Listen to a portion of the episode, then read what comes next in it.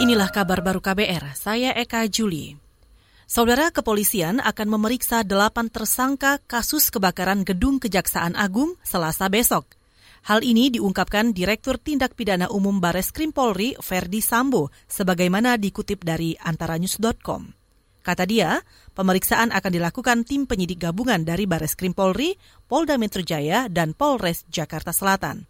Sebelumnya, penyidik menyimpulkan kebakaran gedung Kejagung disebabkan aktivitas merokok lima tersangka yang merupakan buruh bangunan.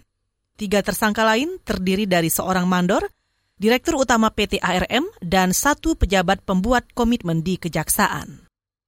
Pemerintah menargetkan Indonesia menjadi negara pengekspor produk halal terbesar di dunia. Salah satu caranya dengan membangun kawasan industri halal yang terintegrasi.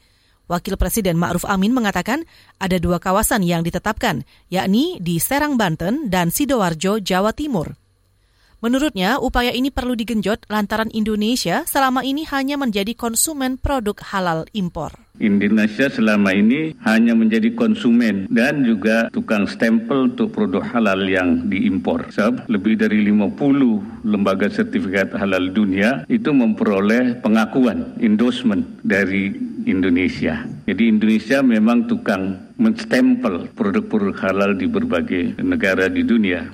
Wakil Presiden Ma'ruf Amin mencatat Indonesia membelanjakan lebih dari 200 miliar dolar Amerika Serikat atau tak kurang dari 3 kuadriliun rupiah untuk impor produk halal pada 2018. Nilai ini mencapai 10 persen pangsa pasar produk halal dunia dan yang terbesar di antara negara-negara berpenduduk mayoritas Muslim. Satgas Penanganan COVID-19 Kota Balikpapan enggan berkomentar terkait tetap digelarnya debat pilkada Sabtu pekan lalu. Satgas sebelumnya merekomendasikan debat ditunda usai Ketua KPU Balikpapan Nur Toha positif COVID-19. Ketua Satgas sekaligus Wali Kota Balikpapan Rizal Effendi mengatakan keputusan tunda atau tidak merupakan wewenang KPU. Ia justru menyayangkan perilaku Nur Toha yang tetap beraktivitas menyiapkan debat saat masih menunggu hasil tes usap.